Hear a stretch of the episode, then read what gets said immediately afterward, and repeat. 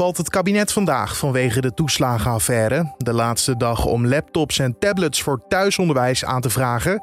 En eind vorig jaar kwam president Donald Trump met het besluit dat hij de Amerikaanse militaire macht in het buitenland wil afschalen.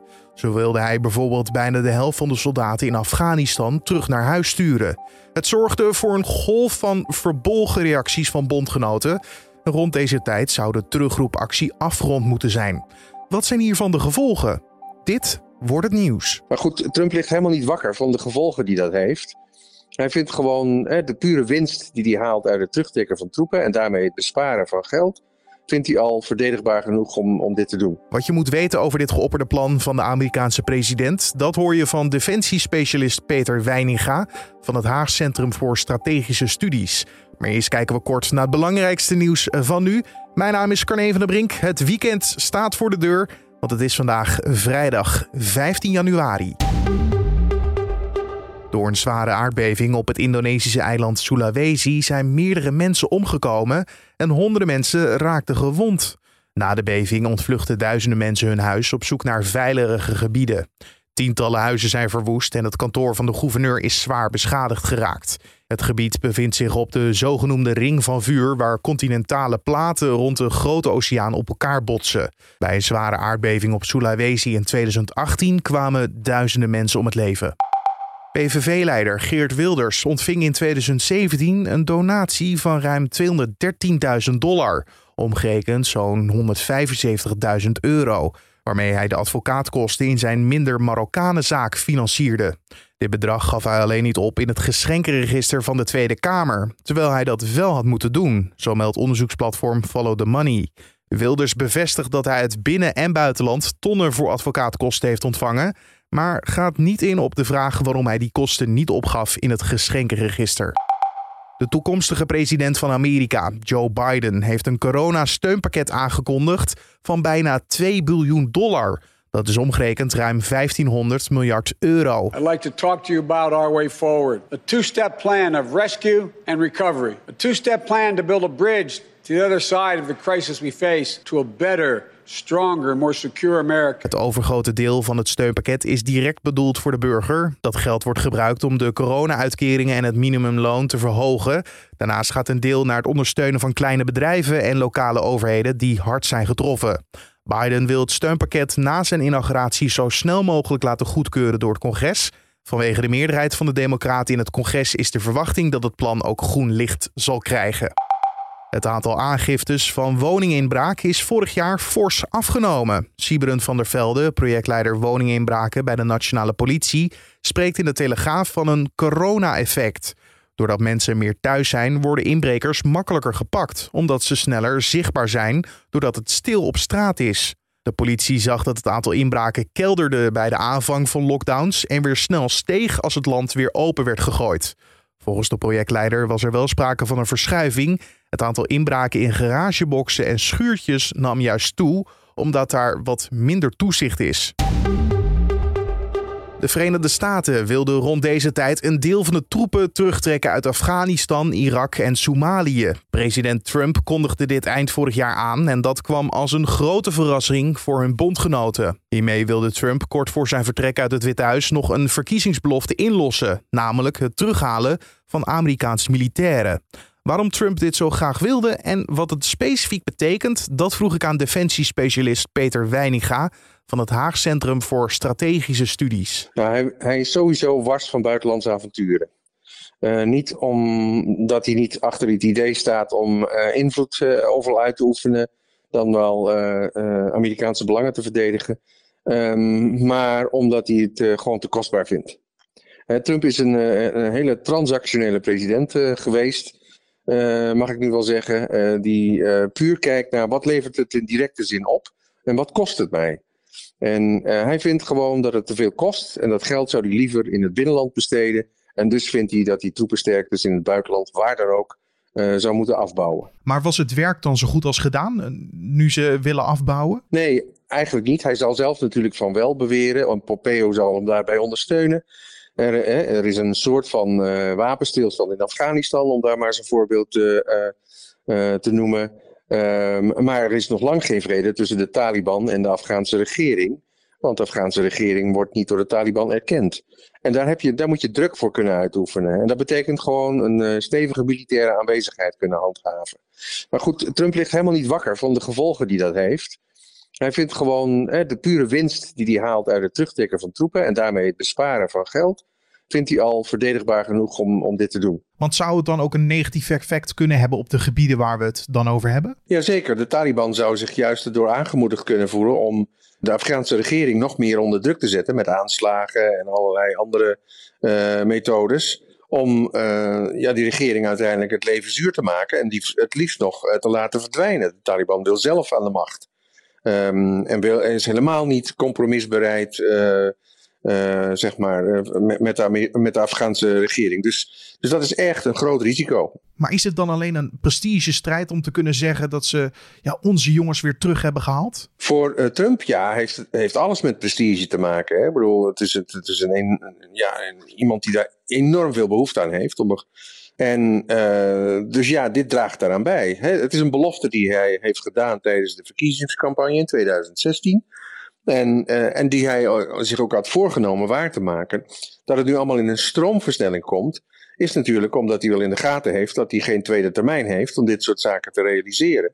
En dus moet het nu allemaal op het laatste moment. Alleen de huidige status van dit project is vrij onduidelijk. Zie jij dat ze haast maken met de terugreis? Nee, het wordt zeker door het Amerikaanse ministerie van uh, Defensie, hè, de, uh, Pentagon, wordt geen haast gemaakt.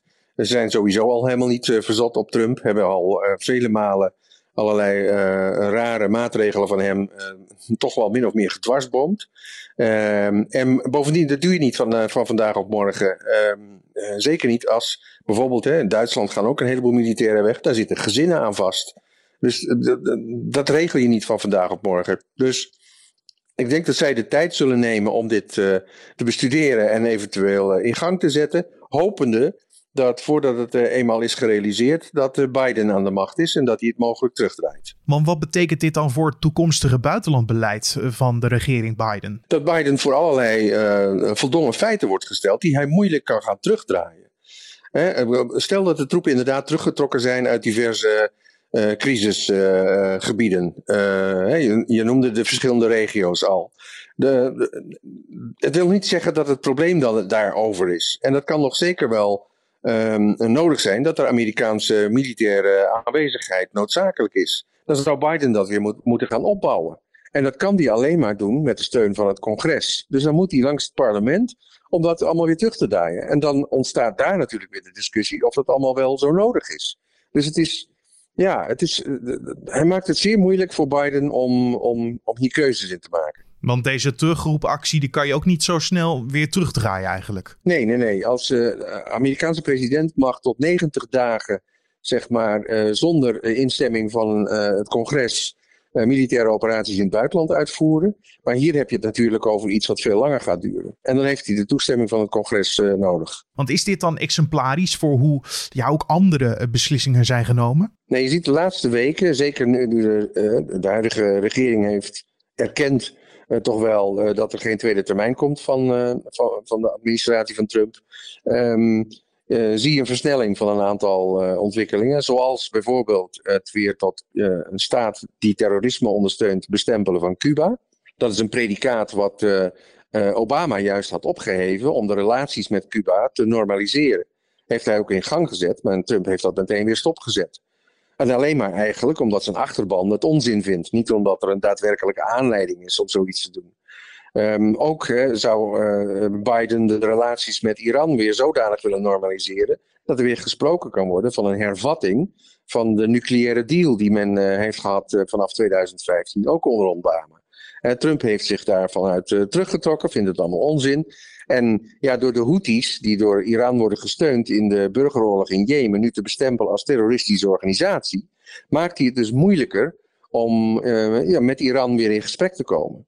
Dus ook dat is iets wat, ja, wat Trump eigenlijk als een soort van voldongen feit um, voor, voor Biden um, zeg maar um, poneert. Zodat zijn bewegingsvrijheid op dat gebied enorm wordt ingeperkt. Want zou je dan misschien kunnen zeggen dat Biden ja, eigenlijk met een achterstand straks begint? Ja, zeker. Dat kun je zeker zeggen. Kijk, er zal meer vertrouwen zijn in Biden dan in Trump. Biden heeft een enorme ervaring als buitenlandspecialist van de Republikeinse Partij in de Senaat, notabene. Um, en staat in het buitenland in die zin ook goed aangeschreven. Um, veel meer dan Trump ook. Maar hij zal zonder meer ja, um, gehandicapt aantreden op dit soort vlakken, door, door dit soort bewegingen. En ja, weet je, het is traditie om in de Amerikaanse politiek dat in, een, in de transitiefase, zeg maar, hè, als er een nieuwe president is gekozen, tot het moment dat die nieuwe president wordt beëdigd, niet zulke drastische koerswijzigingen nog door te voeren. Om, omdat je de nieuwe regering dan voor een probleem stelt. Maar ja, ook daar trekt Trump zich niks van aan en dat doet hij dus gewoon. Want dit kwam natuurlijk ook als een grote verrassing voor de, ja, de internationale bondgenoten. Jazeker, die waren niet geconsulteerd, wat meestal wel gebeurt in dit soort zaken. Uh, en werden dus gewoon overvallen. Wat helemaal in de stijl van Trump is natuurlijk. Uh, absoluut geen overleg met bondgenoten hierover. Hij doet gewoon um, ja, wat, hij, wat, wat hij zichzelf heeft voorgenomen. En uh, ja, trekt zich van de hele wereld uh, letterlijk helemaal niets aan. Want Nederland heeft nog militairen in alle gebieden waar Amerikanen deels uh, terug willen trekken. staat hun aanwezigheid hierdoor ja, mogelijk onder druk? Nou, Nederland moet zich, en dat is men inmiddels aan het doen, zich natuurlijk goed afvragen of de veiligheid van de Nederlandse troepen die geen gevechtsfunctie hebben in Afghanistan en Irak en ook in Afrika niet. Um, of, die wel, uh, of, of, die veiligheid nog wel voldoende is gegarandeerd. En of dat eventueel op een andere manier kan worden geregeld. Um, logistiek uh, zijn Amerikanen ook heel sterk. Uh, en zijn kleinere bondgenoten die met, met, met, een kleinere militaire aanwezigheid in de regio daar ook van afhankelijker. Dus ook dat veroorzaakt problemen. Ja, en dat zijn allemaal zaken die je weer moet afwegen in, in het besluit om wel of niet daar te blijven. Het blijft natuurlijk gek dat een bondgenoot dat zomaar doet zonder overleg. Zeker in een gebied waar je samen zit. Nou, zeker als dat zonder overleg gebeurt. Dan is dat een, een ja, toch wel een knauw in het, uh, in het vertrouwen, in het onderling vertrouwen. Maar zijn dit soort beslissingen dan ja, mooi als krantenkop en ja, zoete koek voor de Amerikanen, maar niet echt handig in de praktijk? Eh, nee, in het Amerikaanse uh, congres, uh, ook bij Republikeinen, is deze discussie zeer bekritiseerd omdat ze wel degelijk zien dat daar uh, ja, uh, zeg maar ernstige gevolgen aan uh, kunnen zitten. Dus ja, hij, hij, doet het helemaal op eigen doft. Dat was defensiespecialist Peter Weininga van het Haag Centrum voor Strategische Studies. En dan de nieuwsagenda voor vandaag. Het kabinet spreekt deze vrijdag verder in de ministerraad over de affaire met de kinderopvangtoeslag. En bespreekt dan ook mogelijk politieke gevolgen. Door de toeslagaffaire staat de coalitie van VVD, CDA, D66 en ChristenUnie onder zware druk. Premier Rutte wilde donderdagavond niks kwijt over de overlevingskans van zijn kabinet. Ook niet voor de draaiende camera van Nieuwsuur. Morgen praten wij opnieuw, ik denk in de laatste ronde, over de inhoudelijke reactie op het uh, rapport, schrikkelijk rapport over de toeslagen. Uh, en zoals u weet is dan ook, uh, vermoed ik, aan de orde de politieke vraag. PvdA-leider Lodewijk Asscher stapte gisteren op. Hij was in het vorige kabinet minister van Sociale Zaken en nauw betrokken bij de toeslagenaffaire. De premier wilde niet zeggen of het vertrek van Asscher de druk op het kabinet verhoogt om ook vroegtijdig op te stappen. Het kabinet heeft 15 miljoen euro uitgetrokken voor extra laptops en tablets die kinderen op de basis- en middelbare school kunnen gebruiken voor thuisonderwijs. Van het geld kunnen zo'n 60.000 apparaten worden aangeschaft, zo meldt het ministerie van Onderwijs. De laptops en tablets zijn, als het goed is, deze maand beschikbaar. En schoolbesturen konden van december tot en met vandaag een aanvraag indienen. En voor dit project wordt ook een eigen bijdrage verwacht van 25 Utrecht, Rotterdam en Hart voor Brabant waren de eerste drie GGD-regio's die eerder deze maand begonnen met het vaccineren tegen corona. Daarna volgden de regio's Amsterdam, Drenthe en Haaglanden. Vandaag worden de resterende priklocaties geopend en kunnen zorgmedewerkers in heel Nederland gevaccineerd worden. En dan het weer van Weerplaza. Wat voor weer je mag verwachten, dat kan Wilfred Jansen je vertellen. Vandaag beginnen we de dag met wolkenvelden, maar ook een aantal opklaringen. En vooral in de noordelijke helft van het land kunnen een aantal buitjes vallen. En bij die buitjes is natte sneeuw mogelijk. Heel lokaal kan misschien regen vallen op een bevroren ondergrond, waardoor het plaatselijk toch weer verraderlijk glad kan worden. Nou, verder is het vanmiddag zo goed als overal droog en de temperatuur klimt uiteindelijk langzaam tot iets boven het vriespunt, zo'n 1 of 2 graden. Er waait een overwegend matige wind uit het noordoosten en die zorgt ervoor dat het voor het gevoel vriest. Dankjewel Wilfred Jansen van Weerplaza. En om af te sluiten nog even dit. Een stripboek van de superheld Batman uit 1940 is donderdag op een Amerikaanse veiling verkocht voor meer dan 2,2 miljoen dollar. Omgerekend zo'n 1,8 miljoen euro. Het is een nieuw recordbedrag voor een stripboek van Batman en het tweede duurste ooit na een Superman-stripboek. De gevelde strip was het eerste nummer van de solo-reeks van de gevleugelde held. Het tevens ook het debuut van zijn aardsvijand, de Joker. Het stripboek kostte in de tijd slechts 10 cent.